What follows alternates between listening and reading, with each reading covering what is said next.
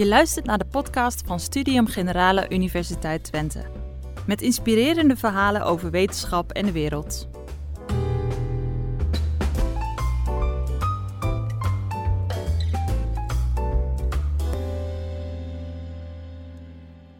We zijn ontzettend blij dat we weer een Studium Generale hebben met publiek in de zaal. We hebben een heel interessant onderwerp, namelijk Marco Rutte, de langst zittende premier van Nederland, afgezien van Lubbers, en de allereerste van VVD-huizen. Wie is hij en hoe kunnen we hem leren kennen via zijn geschiedenis en via zijn woorden en zijn daden? Dat gaan wij horen van, en daar ben ik ook heel erg blij om, uh, politieke columniste Shaila Sitalsing. En ik wil even iets zeggen tegen studenten onder jullie. Mark Rutte is inmiddels twaalf jaar minister-president van Nederland. En dat betekent dat heel veel studenten, denk ik, geen actieve herinnering hebben aan zijn voorgangers. En hierbij quote ik hem uiteraard, want ik denk dat zijn falende geheugen ook aan bod zal komen in het verhaal van Shaila. Uh, Shaila is uh, columniste over politiek voor de Volkskrant. Je schrijft heel regelmatig in de Volkskrant. Ik weet ook dat er verschillende fans aanwezig zijn hier of online. Je hebt ooit de Helderingprijs gekregen voor de allerbeste uh, columnist van Nederland. Dat kun je ook heel goed zien aan jou. Ja, dan begint iemand al fictief te klappen. aan de manier waarop je schrijft en hoe je schrijft. En in 2016 schreef je een biografie over Mark Rutte, getiteld Mark, portret van een premier. En die biografie liep zo goed dat hij niet meer te krijgen is. Dat zeg ik alvast. Maar Shaila gaat vanavond uh, citeren uit het boek. En ik wil graag jullie vragen om een hartelijk applaus, want dat kan weer, nu het niet virtueel is, voor Shaila. Dankjewel. En nou, dank dat uh, zoveel mensen zijn gekomen. Hiske heeft me al een beetje voorgesteld. Um, ik, ik, werk al 25 jaar in de journalistiek en uh, heb ook, uh, nou ja, lang, um, ben ook lang politiek verslaggever geweest in Den Haag. En heb dus Mark Rutte op allerlei momenten in zijn loopbaan meegemaakt. Ook als worstelend net beginnend politicus. En nu later ook weer als, als premier. Ik heb uh, met dit uh, boekje wat ik over hem heb geschreven, ja, geen pretentie om nou helemaal te doorgronden, maar ik probeer er wel iets in uiteen te zetten van, nou ja, wat, hoe moet je die man nou plaatsen? Wat is nou zijn geschiedenis? Wat heeft hem nou gevormd? Wat, wat, wat, wat is het nou eigenlijk uh, voor man? Um, en dan wil ik vanavond um, met jullie wat van die, langs wat highlights uit zijn leven lopen. Um, ik heb mijn verhaal uh, verdeeld in blokjes. Dat doen ze tegenwoordig in het parlement ook. Als een debat dan hebben ze blokjes. Dus ik dacht, ik doe dit ook in blokjes. Ik wil wat vertellen over zijn vormende jaren, zijn jeugd, zijn tijd bij de JOVD, de jongerenvereniging van de VVD. Um, zijn tijd dat hij nog niet in de politiek zat.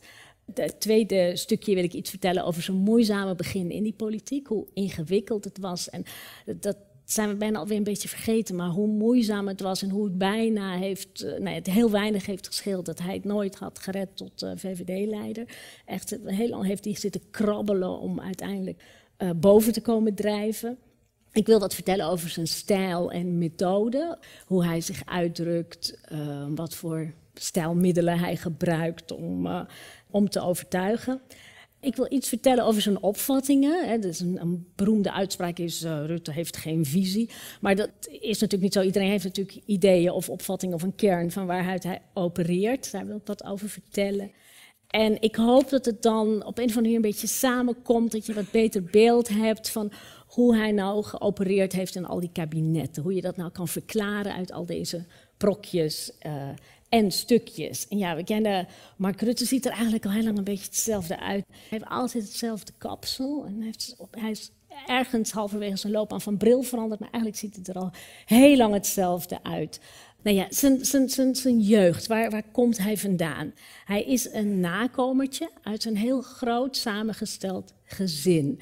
Zijn uh, vader, Isaac, die uh, leefde met zijn eerste vrouw en, en hun drie kinderen in het Nederlands-Indië van voor de oorlog nog. Zij hebben daar uh, de oorlog meegemaakt. Zijn vader is ook geïnterneerd geweest in een jappenkamp, zoals zoveel uh, Nederlanders die onder de wapenen waren geroepen. De vrouw, dus de eerste vrouw van, van Mark Rutte's vader, en die drie kinderen, dus de drie halfbroertjes en zusjes zijn dat van Mark Rutte. Die hebben ook vastgezeten in een kamp, in het kamp Chideng, heel, heel berucht kamp. Die, die vrouw is daar ook overleden, de eerste vrouw van uh, Mark Rutte's vader. Die drie jonge kinderen zijn daar alleen gebleven in dat kamp. Die zijn na de oorlog weer herenigd met hun vader. En die vader is toen hertrouwd met het 13 jaar jongere zusje van zijn overleden vrouw. Dus dat is een zware geschiedenis, een, een loodzware uh, gezinsgeschiedenis. En met dat, dat zusje, met wie hij hertrouwd is, heeft hij nog um, vier kinderen gekregen. Um, zij hebben eerst in Indonesië nog gewoond. Ze hebben nog geprobeerd om daar te blijven, ook, ook, ook na de oorlog, tijdens die onafhankelijkheidsstrijd. Maar op een gegeven moment kon dat niet meer. Toen gingen alle Nederlanders terug en zijn ze teruggekeerd uh, naar Nederland. Is dat gezin teruggekeerd naar Nederland. Hele kille ontvangst gekregen, wat we wel vaker horen van de terugkeerders toen in de jaren, eind jaren 40, begin 50. Dus moeilijk. Ze berooid in Den Haag aangeland. Zwaar, zware geschiedenis met zich mee torsend. Um, ja, en in dat gezin wordt dan op 14 februari 1967 een nakomertje geboren, een jongetje. En dat is Mark. Hij is, uh, hij is de jongste en hij komt dus daar ter wereld in zo'n gezin wat nou heel wat achter de kiezen heeft gehad en wat nou ja, een zware tijd heeft gehad. Maar hij herinnert zich zijn jeugd. Hij spreekt er altijd met heel veel warmte over. Als toch een hele zorgeloze tijd. Zijn ouders hebben zich echt weer opgewerkt, omhoog gewerkt. Hebben er alles aan gedaan om, om die kinderen een, een veilig en, uh, en mooie, goede jeugd uh, te geven in een mooi deel van Den Haag. Hij woonde in Duttendel.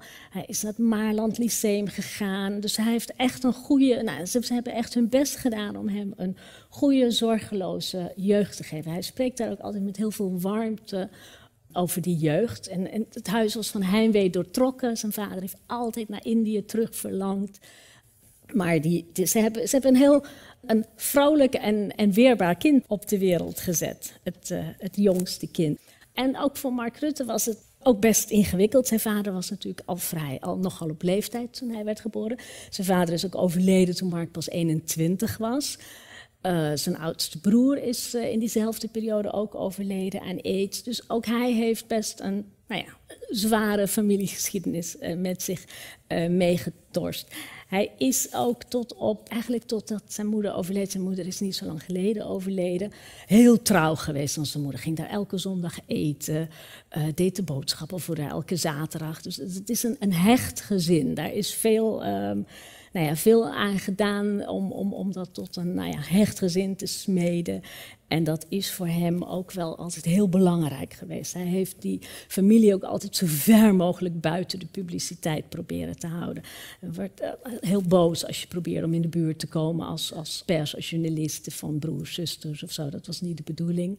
Die moesten vooral uh, beschermd worden, uh, vond hij. Nou, deze jonge Mark Rutte, die in Den Haag opgroeit die gaat al heel jong, meldt hij zich bij de JOVD, de jongerenvereniging van de VVD. En er is hem wel eens gevraagd van, nou ja, waarom eigenlijk de jongerenorganisatie van de VVD en niet van een andere partij? En daar heeft hij ook wel eens op geantwoord, uh, naar waarheid, van nou ja, het had ook een andere partij kunnen zijn. Het was niet een heel diep doorvoelde of doorleefde ideologische keuze. Het had ook de PvdA kunnen zijn, maar ja, zijn vader had zo'n hekel aan Den Uyl, dus nou ja, dan maar de VVD hij, het was ook, ja, hij ging gewoon, het leek hem wel leuk. Hij dacht, kom, dat gaan we doen. En hij heeft zich bij de JVD enorm kunnen ontwikkelen. Hij was 16 toen hij zich daar meldde. Hij heeft daar jaren gezeten, is op een gegeven moment ook voorzitter geworden van die jongerenorganisatie. In latere jaren, veel later, toen hij het politiek heel moeilijk kreeg en, en, en, en heel erg moest strijden om het leiderschap van die VVD te veroveren, was er nog wel eens wat verbazing van ja, god, hoe kan het dat hij zich zo kan handhaven? Hij ligt zo onder vuur, maar hij heeft nog zoveel steun vanuit die partij. Nou, de basis daarvoor is eigenlijk in deze jaren gelegd, omdat hij al zo jong in de JOVD heeft hij echt vrienden gemaakt voor het leven, heeft hij echt haarden in die partij opgebouwd van mensen met wie hij vanaf toen is opgetrokken en die hem altijd uh, zijn blijven steunen. Het is soms best belangrijk om, om, lange lijnen door de geschiedenis terug te kunnen trekken. En dan kun je zien dat hij in de JVD heeft hij eigenlijk de basis gelegd voor zijn steun binnen de partij, die hij tot op de dag van vandaag geniet. Dit, al die mensen met wie hij is begonnen, die zitten inmiddels ook op uh, allerlei plekken binnen de VVD. Um, dus hij heeft daar loyaliteiten eigenlijk voor het leven gesmeed, vriendschappen voor het leven. En uh, wat hij ook wel vaak heeft verteld over zijn tijd bij de JOVD en wat vrienden vertellen die met hem bij de JOVD hebben gezeten, is dat hij daar eigenlijk zijn methode, de methode Rut al heeft ontwikkeld. En dat is de methode van meeveren. Van dan is er, is er ergens een probleem, want er was natuurlijk de hele tijd waren er problemen. Dan was afdeling in Den Haag die vond wat en de afdeling in Rotterdam vond wat anders. En dan was er weer ruzie. En dan ging Mark Rutte dat oplossen. En, en zijn manier van oplossen is meeveren. Dus gaat hij met jou praten. Nou, Oké, nou, voelt helemaal je pijn en dan gaat hij met jou praten. Voelt hij ook helemaal. En dan zegt hij tegen jullie allebei dat je wel gelijk hebt en ook wel weer een beetje niet. En hij gaat met iedereen een beetje meeveren en meewaaien. Net zo lang totdat iedereen denkt, oh, er is naar mij geluisterd. En dan is het een soort van opgelost. Kopjes koffie drinken. De methode Rutte, de meeveermethode, dat zeggen heel veel uh, mensen die toen met, bij de JVD uh, eh, met, uh, met hem hebben gewerkt. Zeggen, zijn methode is altijd, hij gaat, hij gaat nooit ergens tegenin, maar hij veert even mee. En dan heb je het idee en dan veer jij ook weer, weer mee terug met hem. En dan is het probleem opgelost. En het is een methode die hij dus daar heeft ontwikkeld. En hij, bij de JVD zei hij ook al gekscherend... Later word ik premier. Dat was misschien een half grapje. Was toen ergens in de twintig. Maar eh, hij heeft dat toen wel al een soort van bedacht.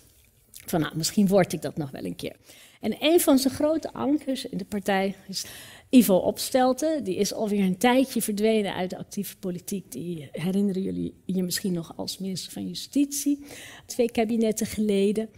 Ivo Opstelten is eigenlijk de man die um, ervoor heeft gezorgd dat Mark Rutte carrière kon maken in de VVD. Ivo Opstalten was toen al uh, in, in die beginjaren, toen, toen Mark Rutte nog bij de jongere partij zat en in de twintig was, was Ivo Opstelten al een belangrijke man in de partij. Uh, was, had al in het partijbestuur, uh, was al burgemeester geweest op allerlei plekken. En Ivo Opstelten, die heb ik een paar jaar geleden gesproken toen ik dat portret van Mark Rutte maakte. En die zei van, hij zat een keer in een zaaltje en toen hoorde hij de jonge voorzitter van de JOVD praten. En toen zei Yves Opstelten, dat is hem, dat wordt hem. Dat wordt onze, onze nieuwe leider voor later. Niet voor nu meteen, maar voor later. En ik vroeg nog aan Yves Opstelten, van, hoe wist u dat dan zo zeker? Zei ja, dat voelde hij. Hij kon zo uh, met zoveel souplesse praten. Hij kon zo overtuigend uh, iets uitleggen. Hij had zoveel schwung en charme. Opstelt had enorm geloof in Mark Rutte, vanaf het begin al. Hij heeft toen, toen Mark Rutte nog zo jong was, ook al meteen voorgesteld... nou, die moet maar in het hoofdbestuur. Dat vond het hoofdbestuur maar niks. Die zei, nou, laten we maar eerst een paar jaar folders uitdelen. Maar uiteindelijk heeft hij toch nog... Uh, is Mark Rutte toch nog, heeft hij een wat nederige positie op het partijbestuur gekregen in die, in die jonge jaren. Moest hij hesjes klaarzetten voor, uh, als er uh, geflyerd werd en zo. Dat heette de afdeling spiegeltjes en kraaltjes. Maar ook daar heeft hij dus weer heel veel, ja, eigenlijk kennis opgedaan van, ja, wat, wat is dit voor een partij, wat is dit voor een ding. Hij heeft echt leren meeademen met die partij. En heel veel is, uh, is eigenlijk te danken aan uh, die, het mentoraat in het begin van Ivo Opstelt. En dat verklaart ook waarom later, veel later, uh, toen Ivo Opstelt inmiddels minister was en Mark Rutte premier en Ivo Opstelt raakte in de problemen, Mark Rutte hem heel lang niet heeft willen laten vallen. Omdat het zijn, eigenlijk zijn entree altijd was geweest in de partij.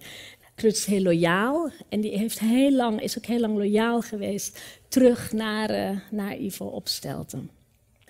En als je wil weten waarom iemand het redt of waarom iemand zo verankerd is in een partij, dan is het goed om terug te gaan naar het beginjaar. En dat verklaart heel veel van gedrag later en van loyaliteiten later. Het is allemaal heel veel is terug te voeren op die jongere partij. Maar goed, toen was Mark Rutte afgestudeerd en toen ging hij niet meteen de politiek in. Hij bleef wel verbonden aan de VVD via het bestuur. En hij, is, uh, hij, hij, bleef als vrijwilliger van alles doen voor de partij. Maar hij is toen gaan uh, solliciteren bij een aantal grote bedrijven. Hij heeft bij Shell gesolliciteerd en hij heeft bij Unilever gesolliciteerd. En bij Unilever werd hij aangenomen. Dus hij ging gewoon bedrijfsleven in. Hij werd helemaal geen politicus. Hij werd gewoon uh, iemand van het grote bedrijfsleven. Ik wil een klein stukje voorlezen uit een, citaat van hem over zijn tijd bij Unilever. Hij heeft daar dus aantal jaar gewerkt en hij, deed HR, Human Resource Management. Hij heeft uh, bij de Calvé-fabriek in Delft gewerkt. Maar hij is, en dit zegt iets over de loyaliteiten van Mark. Als Mark Rutte eenmaal ergens verknocht aan is, dan blijft hij er altijd loyaal aan. En dat is dus ook aan de spullen van Unilever. Daar heeft hij later in een interview echt zijn liefde naar beleden. Hij was al lang weg bij Unilever. Hij zei, Unilever, dat, dat, hij koopt alleen spullen van Unilever. En dit is een citaat van hem.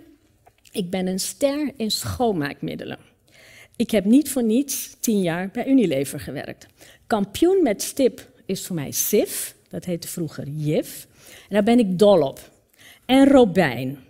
En SIF allesreiniger voor de ramen. Andere middelen komen er bij mij niet in. Dreft? Niks ervan. Dat is van Procter Gamble. Bovendien, die fles met Dreft afwasmiddel, die staat niet stevig. Die heeft niet zo'n lekkere vierkante onderkant als Lux. Lux is van Unilever. En Dreft die kukelt bij mij uh, tijdens het afwassen altijd in je tijltje. Er gaat niks boven de geur van Glorix. Met een scheut Glorix heb ik het gevoel dat alles heerlijk schoon is. Nou, dat is een heel veelzeggend uh, citaat, omdat het iets, iets zegt. Als hij eenmaal ergens aan gewend is, dan zal hij dat zijn hele leven blijven doen. Je zal ook wel vaak in allerlei televisieportretten en zo van hem tegenkomen dat hij altijd bij dezelfde koffietent dezelfde koffie haalt. Dat hij altijd dezelfde route loopt. Dat hij altijd op hetzelfde plekje zit, in hetzelfde cafeetje. Nou ja, goed, dat geldt dus ook voor Lux. Dat uh, is zijn, uh, nou ja, daar zitten zijn, zijn, zijn loyaliteiten. Nee, goed, dit is een beetje wat, wat, nee, waar hij vandaan komt, wat, wat Nest hem min of meer gevormd heeft. En toen kwamen toch de jaren in de politiek. Het werd 2001. Eerste kabinet uh, Balkenende trad aan. En er was een staatssecretaris nodig voor sociale zaken. En die moest van VVD-huizen zijn. Gerrit Salm, die was toen um, de, de VVD-leider, die, die, die moest uh, bedenken wie die allemaal nog zou vragen voor het kabinet. En toen had iemand tegen hem gezegd: Ja, we hebben ook nog die Mark Rutte. Salm kende hem zelf niet, maar hij was door verschillende mensen in de partij aangeraden. Misschien moet je die eens bellen. En bijna was dat niet doorgegaan, want eigenlijk moest, hadden ze een vrouw nodig voor die plek, om, in de balans. Maar er had iemand bedankt. En zo kwam dan uiteindelijk toch het telefoontje. Hij was niet eens eerste keus. Tweede, derde keus kwam het telefoontje bij Mark Rutte of hij dan staatssecretaris een baan bij Unilever wilde opgeven en staatssecretaris wilde worden van sociale zaken in het eerste kabinet Balken. Nou, die zien we hier staan. En het kabinet met als je, het nu, als je nu naar zo'n foto kijkt, er staat echt maar één vrouw. En dat, was, uh, dat is nu wel anders. Maar dat was ja, echt zo'n zo, zo, zo pakkenkabinet. Nou ja, Mark Rutte werd daar dus uh, staatssecretaris van Sociale Zaken. Op zich misschien niet heel spannende functie, zou je denken op het eerste oog. Maar was het wel, want hij kreeg een hele belangrijke opdracht. Hij moest de bijstand hervormen. En dat was echt een cruciale hervorming van de bijstand.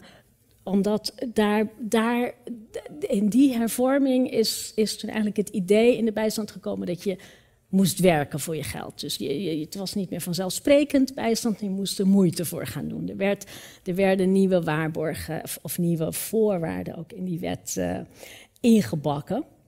En dat was uh, vrij cruciaal en vrij moeilijk en ingewikkeld. Heel ingewikkeld uh, dossier. En ze dachten, nou ja, succes ermee, Rutte. Kijk maar hoe ver je komt. En uh, het is hem gelukt. En iets van zijn methode, van hoe hij dat voor elkaar kreeg. Dat was in een gesprekje met een goede vriend van hem, een van zijn beste vrienden. Die vertelde van ja, hoe dat hoe hij die, die er moesten allerlei strengere voorwaarden in die bijstand. Het was heel ingewikkeld. Er was enorm veel tegenstand vanuit de samenleving. Het ging onder meer bijvoorbeeld ook of alleenstaande moeders met jonge kinderen een plicht kregen om te solliciteren. Nou, dat was, dat was enorm. Het protest was enorm. En dan, zijn methode was dan een beetje zo. Op, zo kon het gebeuren dat Mark Rutte op maandag zegt: ja, alleenstaande moeders van jonge kinderen moeten solliciteren. Want hij moet het belang van de belastingbetaler scherp in het oog houden. En de bijstand, dat moet geen hangmat meer zijn, dat moet een trampoline worden, dat soort uh, woorden. Op dinsdag zegt hij, nou, ik ga uitzoeken wat de mogelijkheden zijn voor misschien een uitzondering.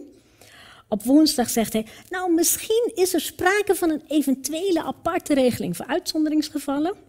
En op donderdag is de sollicitatieplicht voor bijstandsmoeders met kleine kinderen uit het wetsvoorstel verdwenen. In drie dagen tijd.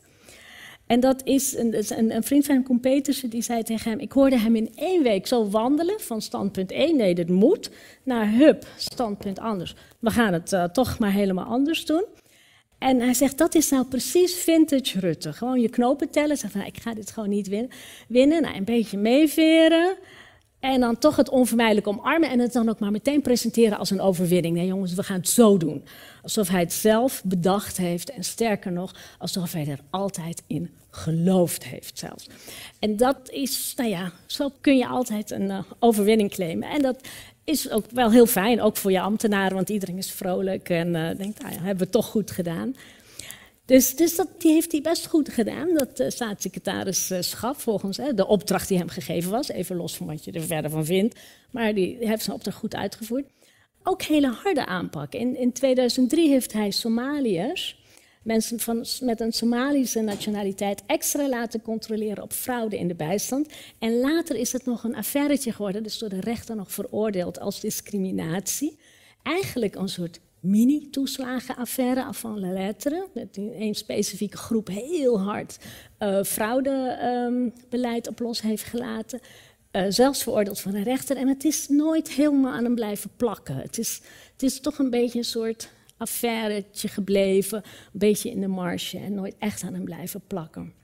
Maar wel, hij kon ook echt wel, nou ja, toen al toeslagenaffaire-achtig uh, optreden. Nou, hij kreeg in die tijd ook wel ambities om die partij te leiden. Zo, hij, is, hij is eh, later nog staatssecretaris van Onderwijs geworden, van Sociale Zaken, want de staatssecretaris van Onderwijs die moest weg. En hij heeft dat overgenomen. Dus hij is gebleven in Den Haag, hij is blijven hangen in Den Haag. En op een gegeven moment ja, moest er een nieuwe partijleider komen. En hij had op zich wel ambities. En uh, Josias van Aartsen, dat was toen uh, degene die de partij leidde, die wilde ook dat Mark Rutte het ging doen. Dus die heeft hem ook overgehaald. Dus het was, nou ja, dat, Mark dacht, nou ja, goed, dat gaan we doen. Maar dat was gerekend buiten uh, deze mevrouw, Rita Verdonk, die ook uh, inmiddels die minister was geworden voor de VVD, van Vreemdelingenzaken onder meer, die enorm populair was geworden met een hele rechtlijnige, nou, strenge lijn. Uh, heel duidelijk, eh, duidelijk sprekende mevrouw. Enorm veel support onder ondernemers. Nou, dus over de strijd tussen deze twee die toen losbraken zijn prachtige documentaires gemaakt, uh, films, uh, van alles. Het was een nou, epische strijd. De partij is er ook bijna door gespleten. Er was echt, de ene helft was kamp Rutte, de andere helft was kamp Verdonk. En men bestookte elkaar, uh, de pers smulde ervan. Maar de partij ging er bijna stuk aan. En als je terugkijkt van ja, waar ging het nou eigenlijk om? Het was meer een strijd tussen personen en het ging meer om persoonlijke stijl dan dat ze nou in opvatting heel erg van elkaar uh, verschilden. Dat is wel vaker zo in de VVD. Als daar ruzie is, is het vaak om persoonlijke opvattingen. En niet per se om echt inhoudelijke, ideologische scherpslijperij. Het is vaak gewoon, ja, ik vind hem niet leuk of ik vind hem leuker. Zo, simpel is het. Er zat daaronder wel een vraag, namelijk wat doet de partij met de erfenis van Pim Fortuyn? Pim Fortuyn had het politieke landschap opengebroken uh, begin deze eeuw. Um, heel veel onvrede naar boven ge gebracht. En de VVD worstelde heel erg met de vraag en worstelt eigenlijk tot op de dag van vandaag met de vraag: ja, wie is nou de erfgenaam van het populisme in Nederland? Dus de kernvraag van die VVD was: ja, oké, gaan we een soort nette bestuurderspartij blijven met nette mensen die netjes meebesturen en, uh, en die liberalen van alle huizen herbergen, dus ook een beetje links-liberalen, een beetje rechts-liberalen, een beetje conservatief-liberalen. Of worden we een iets populistischere volkspartij met, met een wat, wat directere stijl. En Verdonk was meer van de directe stijl. Dus het was ook een beetje een stijldiscussie. En Rutte heeft dat gewonnen, echt op een haar na. Het heeft niet veel gescheeld of hij had het daar verloren en had het, uh, had het toneel uh, moeten verlaten. Maar hij heeft dat toen, uh, nou ja, hij heeft het partijleiderschap gewonnen van, van Verdonk. Maar het was wel een, een Pyrrhus-overwinning. Het was een, hij had nu die partij, ja, en toen? En wat nu? Hij moest een nieuw plan ontwikkelen, hij moest een visie ontwikkelen, hij moest een, een partijprogramma ontwikkelen. En hij wist eigenlijk niet zo goed wat. Hij heeft van alles geprobeerd. Hij heeft geprobeerd om met uh, iets wat hij groen rechts noemde. Dat was een soort plan dat we zouden gaan vergroenen, maar dan wel op, op zijn rechts. Het was een uh, heel ingewikkeld plan. Niemand begreep het en in de VVD zijn men toen heel snel begraven, die handel. Toen heeft hij een plan gemaakt dat, uh, voor een absolute vrijheid van meningsuiting. Op tv gaan vertellen, dat, was dat, dat werd het speerpunt van de VVD. Volledige vrijheid van meningsuiting. En toen stelde iemand hem de vraag: betekent dat dat je ook de Holocaust mag ontkennen? Toen zei hij: ja, absoluut. Meteen weer, nou ja, dat, dat, had hij niet moeten zeggen. Is op zijn knieën naar de Joodse gemeenschap toegemoeten om te zeggen dat hij het niet zo had bedoeld plan ook weer begraven. Zij hij was steeds op zoek naar een plan. En dat is waar het begon rond te zoomen. Rutte weet niet wat hij wil. Rutte heeft geen, geen visie. Rutte weet het niet. Een beroemd fragment uit de tijd van Arend Jan Boekestein. Het was een, een, um, een lid van die VVD-fractie in die tijd. Die dat ergens op tv per ongeluk in een openstaande microfoon had gezegd. Het is echt schokkend. Die man heeft geen ideeën. En dat is eigenlijk altijd aan Rutte blijven plakken dat hij uh, schokkend weinig ideeën heeft. Terwijl dat waarschijnlijk wel meevalt als je het goed gaat afpellen. Maar dat is wel zijn imago geworden. Het is de man zonder eigenschappen en de man zonder ideeën. En dat is daar eigenlijk ontstaan. In die worstelende tijd is dat ontstaan. En degene die bedacht, ja, hier moeten we vanaf. Dat was, daar hebben we weer Ivo Opstelten. Die kwam weer uit de coulissen. Die zei van, ja jongens, en nu moeten we ingrijpen. Mark gaat het worden, of, of is het geworden. Uh, we gaan de verkiezingen in en we moeten alle twijfels weghalen. En Ivo Opstelt is degene die is zaal na zaal afgegaan. Allemaal VVD-bijeenkomsten om overal te vertellen. Mark Rutte is onze man, Mark Rutte gaat het doen. En Mark Rutte weet wat hij wil. En Ivo Opstelt heeft bedacht, wat wil hij dan? Nou, we willen gewoon klassiek, lage belastingen, hard door kunnen rijden. Law and order, daar zijn we voor. En de rest is humbug. En dat gaan we doen. En dat heeft, nou ja, Mark Rutte gered. Even Opsalt heeft ook naar de stichting Vrienden van Mark Rutte opgericht om geld op te halen. Nou, ze hebben hem echt van alle kanten, heeft, nou, dus alle steuntroepen heeft hij tevoorschijn gehaald. En met z'n allen zijn ze achter hem gaan staan om ervoor te zorgen dat de VVD eindelijk eens een keer verkiezingen zou winnen. En het is gelukt. De VVD heeft toen de verkiezingen gewonnen en het eerste kabinet Rutte komt van start, Rutte 1. En Opstelten werd beloond en die werd minister. En dit, deze periode is, geldt in de VVD nog steeds als heel traumatisch. Die zoekende periode, die ruzie met Rita Verdonk. En dat verklaart ook voor een heel groot uh, deel waarom nog steeds tot op de dag van vandaag je binnen de VVD heel weinig kritiek hoort op Mark Rutte. Niemand in de VVD, iedereen heeft nog een trauma van die tijd. Niemand wil meer gaan stoken, niemand wil meer kampen, niemand wil meer die ruzie van toen. Dus daarom staat die partij ook als één man achter Mark Rutte en is alles in dienst gesteld van hem. Omdat ze, ze worden nog s'nachts barend in het zweet wakker van deze tijd. Dus dat, dat verklaart ook, je hoort wel eens van, ja jeetje, vinden ze nou in de VVD dit ook al goed en dit ook al goed? Nee, misschien, waarschijnlijk hebben ze heus wel kritiek, maar ze kijken wel lekker uit om daar weer een enorme, nou ja, gedoe van te maken. Dat is, uh, dat, dat is echt uh, het, trauma van Rita Verdonk. En Rutte 1, uh, dat was dus zijn eerste kabinet. En hij heeft toen al zijn vertrouwelingen beloond. Dus Ivo Opstelten heeft hij minister gemaakt. Nou ja, iedereen die om hem heen was en die hem geholpen heeft, heeft hij allemaal minister gemaakt. En, en later heeft Gerrit Salm, die inmiddels uh, niet, niet meer belangrijk was in de partij, die was inmiddels voor een bank gaan werken. Maar die heeft gezegd, ja, eigenlijk kan dat niet. Dat waren eigenlijk nooit de mores in de partij. Dat je je belangrijkste adviseurs en de mensen om je heen... dat je die allemaal een ministerbaan geeft. Dat hoorde eigenlijk nooit zo.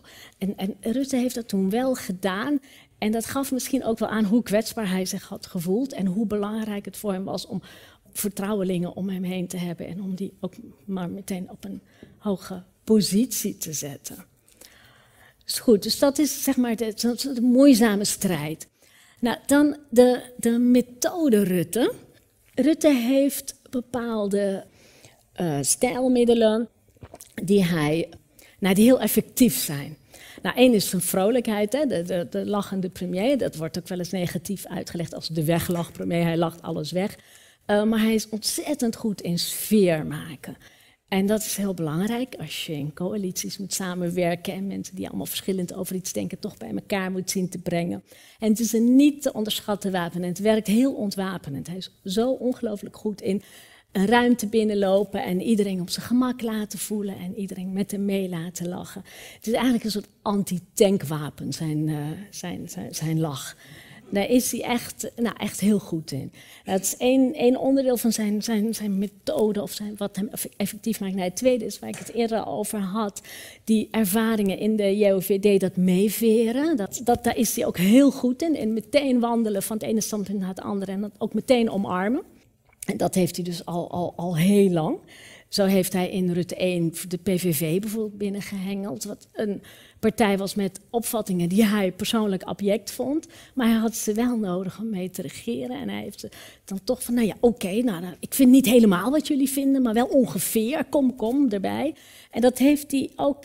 Dat, hij kan met heel veel verschillende uh, mensen kan hij dan toch doen alsof je het eens bent met elkaar. En het werkt ook heel goed in formatiebesprekingen. Hij kan in, in, in, soms komt er iets, iets, lekt er iets uit over hoe het in, in die formatiegesprekken is gegaan. Dan denk nou, keiharde onderhandelingen. En dan hoor je altijd dat Rutte altijd zegt, oh, oh die, die JSF, zo'n gevechtsvliegtuig waar de VVD altijd voor was, oh, die hoef ik helemaal niet. Dat, dat soort dingen kan hij gewoon roepen aan zo'n formatietafel om gewoon een beetje hoppa, sfeer erin te houden. Charmeur, hij is heel charmant. Hij onthoudt verjaardagen van iedereen. Hij, als hij jou een keer heeft gesproken en je vertelt over je moeilijke zoon en hij komt je later tegen, zegt hij: Hoe gaat het met je zoon? Hij onthoudt de meest absurde details van allerlei mensen, waardoor iedereen zich heel persoonlijk door hem aangesproken voelt. Als, als, hij, als hij in Israël is en hij, hij, hij ziet iets wat hem doet denken aan de SGP, wat een hele kleine gereformeerde partij is die hij wel nodig heeft, dan belt hij de de fractievoorzitter van de SGP op. Kees, ik sta nu hier in Israël en ik zie hier iets van christenen voor Israël. Dat hebben jullie geregeld. Hè? En dan voelt Kees van der Staaij zich weer helemaal belangrijk. Hij denkt echt de hele tijd aan hoe hij iedereen bij zich houdt. Enorme charme het leuke is, de enige bij wie dit niet werkt, die charme, is Sigrid Kaag, de leider van D66, met wie hij nu uh, samenwerkt. Die is daar totaal ongevoelig voor. En dat is heel leuk als je hun samen ziet lopen. Dan, zie dan zit hij met zijn grapjes en zijn lachen en zijn charme. En dan zie je haar altijd een beetje van. Het glijdt van eraf. En hij wordt daar een beetje nerveus van en een beetje zenuwachtig van. En het geeft hele gekke, je moet wel eens wat foto's van hun samen bestuderen. Het geeft hele rare lichaamstaal als die twee te dicht bij elkaar staan.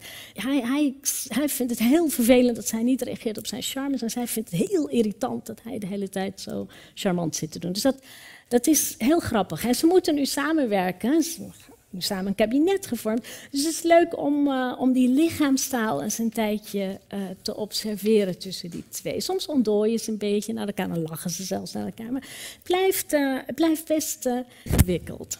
Nou, over hoe Rutte praat, heb ik een paar jaar geleden met de Stichting Rhetorica Kamer um, een soort, studie uh, gemaakt. We hebben helemaal proberen te analyseren hoe hij nou spreekt en wat dat nou zegt. ik ga een klein stukje van voorlezen, of, of niet helemaal voorlezen. wat dingen uit, ehm, uit wat er uit naar voren kwam. Ik had uh, Marijn Moerman, zij is uh, theatermaker, docent retorica en, en filosoof. En zij, zij heeft vooral naar zijn lichaamstaal gekeken en zegt op moet opletten op zijn wenkbrauwen. Hij heeft heel hard werkende wenkbrauwen, die gaan altijd de hoogte in. Als hij nadruk op zijn woorden legt, die wenkbrauwen steeds omhoog. En dat noemt zij de echt waarstand. Geloof me, nou, het is waar wat ik zeg. Dat hij de hele tijd open gezicht uh, maakt. En die echt waar wenkbrauwen, dat is echt een, een kenmerk van, uh, van Rutte, van hoe hij praat.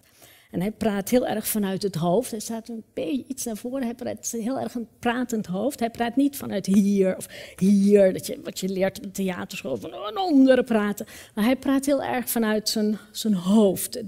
Hij, hij praat heel rationeel. Weinig emotioneel geweld gebruikt hij. Uh, zijn, engagement, uh, zegt Moorman, is voornamelijk cognitief. Het is altijd, probeert is altijd dingen aan het redeneren. Zijn hele stemgebruik past daar heel erg bij. Er zit niet een emotionele, heel erg diep emotionele laag onder. Dat hoeft helemaal niet, uh, niet erg te zijn, want Weet je, dat, is, dat heb je nodig als je echt een herder voor je volk wil zijn. Maar dat is ook helemaal zijn taakopvatting niet. Zijn taakopvatting is een baantje. Hij noemt het ook dit baantje. Zijn taakopvatting is om dit baantje een beetje zo goed mogelijk te doen. Dus hij is ook helemaal niet op zoek naar het doen van een moreel appel. Uh, maar dat, dat mist heel erg in zijn spreken. Dat, en dat komt door die taakopvatting. Hij, hij, vindt ook dat hij dat niet moet doen, dat hij geen emotioneel geweld moet gebruiken. Als je drie, de drie overtuigingsmiddelen uh, van Aristoteles, ethos, pathos en logos, dan zie je bij Rutte heel weinig pathos. Het zit uh, hij heeft heel weinig aanraken van het hart. Uh, hij heeft charisme, hij heeft charme, hij is ambachtelijk en deskundig.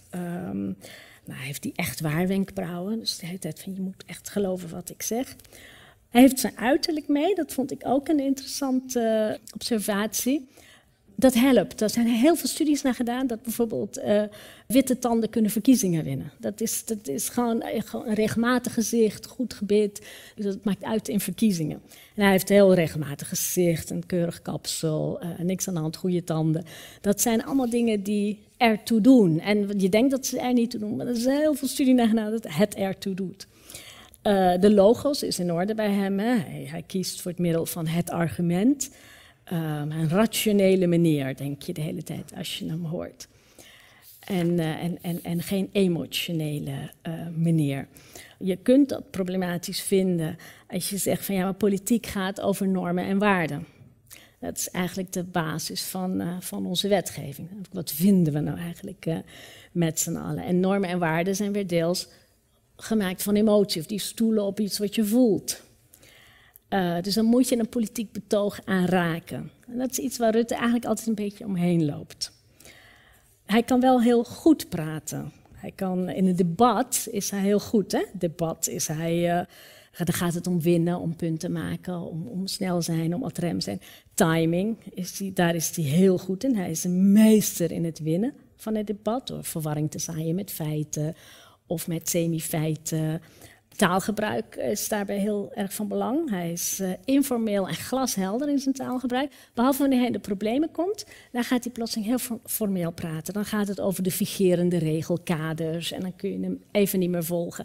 En dan weet je, hij is nu in de problemen gekomen. Moet je maar opletten, zolang hij glashelder blijft, is, heeft hij alles onder controle. En zodra hij in een soort beetje ambtelijke taal gaat schieten en het en figerende regelkaders en de normering, en denk je, nu is in de problemen. Dat uh, laat hij niet zien, maar dat, dat, zie je aan zijn taal. Een ander ding wat je ziet aan zijn taal, hij houdt, van het, hij houdt ervan om dingen klein te maken, verkleinwoorden gebruikt hij. Als het ingewikkeld wordt, maakt hij het klein. Er is een paar jaar geleden uh, veel te doen over het Koninklijk Huis en uh, verbouwing op het landgoed De Horsten. En dat ging om heel veel geld en er werden enorme dingen opgetrokken en dat kostte allemaal veel te veel. En dan zei Rutte, ja nee, dat zijn containertjes. En, en toen ging het over de boot van de koning, die, had een, die heeft een, een, een jacht gekocht van 2 miljoen, of nee, ik weet niet, duur. En dan had hij het over een bootje. En er moest aparte stijger voor worden aangelegd bij het huis in Griekenland. En dat zou ook allemaal uit uh, ergens. Uh, zouden wij ook betalen, zou ik maar zeggen. En ging het om een stijgertje. Dus dat, dat doet hij, en dat doet hij heel bewust. omdat je daarmee ja, het, het, het reduceert tot. Jongens, we hebben het nou eigenlijk over. Het is een beetje onzin waar we nu over praten. Het is een hele, hele goede manier. Hij gebruikt hem heel vaak. Hij doet het ook um, als het over terroristen gaat. Dus iets wat echt heel groot en omvattelijk is. Dan heeft hij het over griezels. Een soort sprookjesfiguren zijn dat. Of uh, engerts. Of, of, of, gekke enge dingen of zo. Dus hij houdt het klein. Uh, um, disputen. We hebben het een, een tijd geleden was er een groot debat over een landsgrens landsgrenzen in Europa. En dan heeft hij het over dat ding. Terwijl een grens, dat is een zwaar bevochten afscheiding, vaak met bloed doordrenkt. Maar hij heeft het over dat ding. Dus hij houdt het klein. En dat heeft een functie, want het ontslaat de spreker van verplichting tot handelen. Als het klein is, hoef je er niets aan te doen.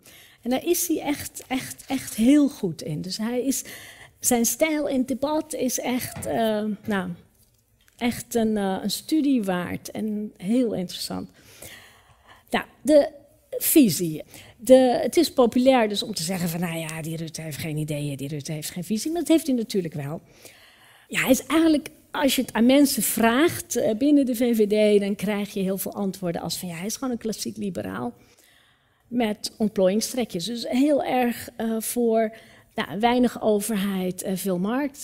de staat is geen geluksmachine mensen zijn verantwoordelijk voor hun eigen geluk. En, en, en die moeten dat vooral zelf organiseren. En wie het echt niet kan, die helpen we. Dus in die zin is hij ook een, heeft hij ook een ontplooiingsliberaal trekjes en, en helpen we met onderwijs. Maar hij is geen ideologische scherpslijper. Hij is, ja, hij is een pragmaticus eigenlijk. Een pragmaticus met een liberaal instinct. Dat is de hoek waarbinnen hij hem zou kunnen positioneren. Uh, volgens uh, mensen die lang met hem hebben samengewerkt uh, binnen en buiten de VVD. Toen hij nog bij de JOVD zat, toen waren ze nog veel libertairder. Toen mocht echt alles. En Frits Polkestein, oude, oude VVD-leider, die heeft daar ooit nog eens over gezegd uit de tijd dat Mark Rutte bij de JOVD zat. Van ach ja, die jongens en meisjes van de JOVD, die zijn voor seks met dieren, die zijn voor het trio-huwelijk, die zijn voor afschaffing van het koningshuis. Ah, dat klopt ook, dat waren ze ook wel allemaal. In die tijd was ook een beetje de tijdsgeest. Ah, dat heeft hij wel allemaal achter zich gelaten. Maar dat, waar hij vooral op zijn sterkst is, is in hoe, in, in, de sociaal-economische hoek. Hè, hoe, hoe, moet een economie werken om zoveel mogelijk mensen het vooral allemaal zelf uh, nou ja, te laten doen en om het, om het mensen zelf het beste uit zichzelf te laten halen. Dat is vooral zijn ding. En wat hij moeilijk vindt, is een nieuw element wat erbij is gekomen en lastiger vindt. Dat is wat ik voor het gemak maar de cultuuroorlog noem. Dus hoe ga je om met nieuwe culturen, met immigratie, met de islam. Het is een terrein waar hij zich altijd een beetje, om, altijd een beetje omheen heeft gewandeld. Hij had het het liefst over de staatsschuld. En, hij vond het, uh, en dat andere liet hij over aan anderen. Dat uh, nam hij zelf niet echt een, een standpunt in. Maar hij vond dat wel heel ingewikkeld. En er is, ik heb een interessant uh, citaat van, wat alweer wat ouder is, van Josias van Aartsen, die, lang de, die een tijd lang de VVD heeft geleid. Die zei ook van ja, vanaf haar oprichting eigenlijk woedt binnen de VVD, dan weer onderhuids, dan weer aan de oppervlakte, een richting strijd tussen twee stromingen. Een beetje naar populisme neigende stroming, gewoon no-nonsense, lage belastingen, een beetje tucht en orde. Zeg maar de agenda waarop Rutte zijn eerste kabinet heeft gestoeld en waarop hij de verkiezingen heeft gewonnen en ook wel de verkiezingen voor zijn tweede kabinet. En daarnaast een wat vrijzinnigere stroming, of de vrijzinnige liberalen, die heel erg op rechtsstatelijkheid zitten en op vrijheid en op internationale gerichtheid en internationale rechtsstatelijkheid. En die stroming heeft het moeilijker gekregen onder het VVD. En van Aartsen zei van ja, alle aanvoerders van de VVD die moeten proberen die twee stromingen te verbinden. En dat is heel ingewikkeld om die twee stromingen te verbinden. En, dat, en Rutte loopt er eigenlijk een beetje omheen. En tegelijkertijd blijft dat wel. Hij, hij, hij, glijdt een, is een beetje aan het gladstrijken, niet te veel uitspreken. Hij houdt niet van normeren. Als het bijvoorbeeld uh, gaat over iets wat in de maatschappij heel hoog oploopt. Of het nou om Zwarte Piet gaat, of om uh, is er nou wel of geen institutioneel racisme weigert hij altijd een uitspraak over. Dan zegt hij, daar ben ik niet van. Hij wil, hij wil niet normeren. Hij weigert om te zeggen wat hij daar nou van vindt en of hij dat goed vindt of slecht vindt. En dat, dat is aan de ene kant uh, zijn overleving. Hè. Daardoor kan hij gewoon doorgaan. En aan de andere kant wekt het uh, ergernis bij zijn coalitiegenoten. Um, ook, ook, ook wel binnen de partij. Spreek je nou toch een keer uit, man.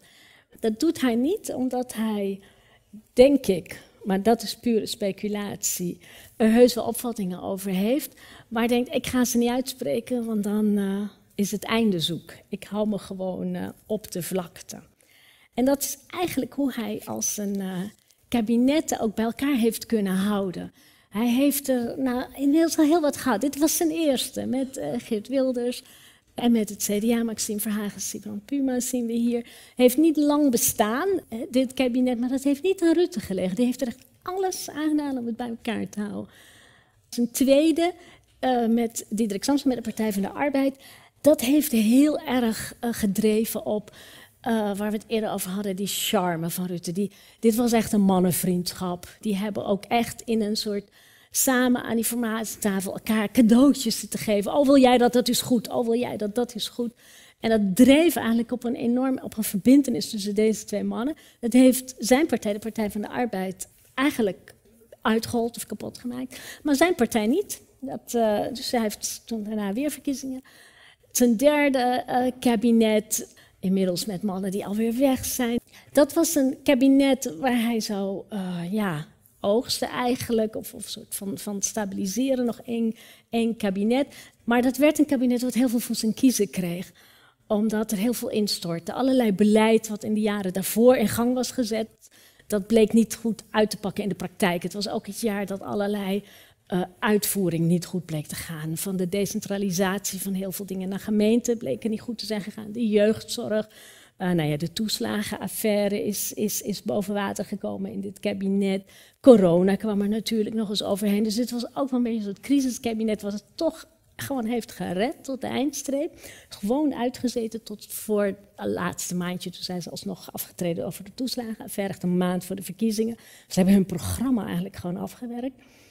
En nou ja, moeilijk jaar gehad. Hè. Toen moest hij het ontslag aanbieden van zijn kabinet. Uh, nou ja, dit is allemaal recente geschiedenis. Uh, Pieter Omtzigt, die, uh, nou ja, die de, toch, toch een beetje de oorzaak was van een, uh, toch een grote crisis. Mark Rutte is hier bijna weggestuurd door deze twee. Niet gebeurd, hij heeft het toch gered. En dat is dan toch weer, als we het hebben over zijn stijl.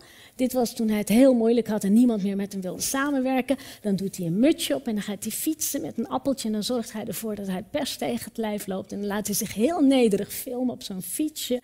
En dan uh, zeggen ze, ja, maar niemand, niemand, wil meer met u samenwerken.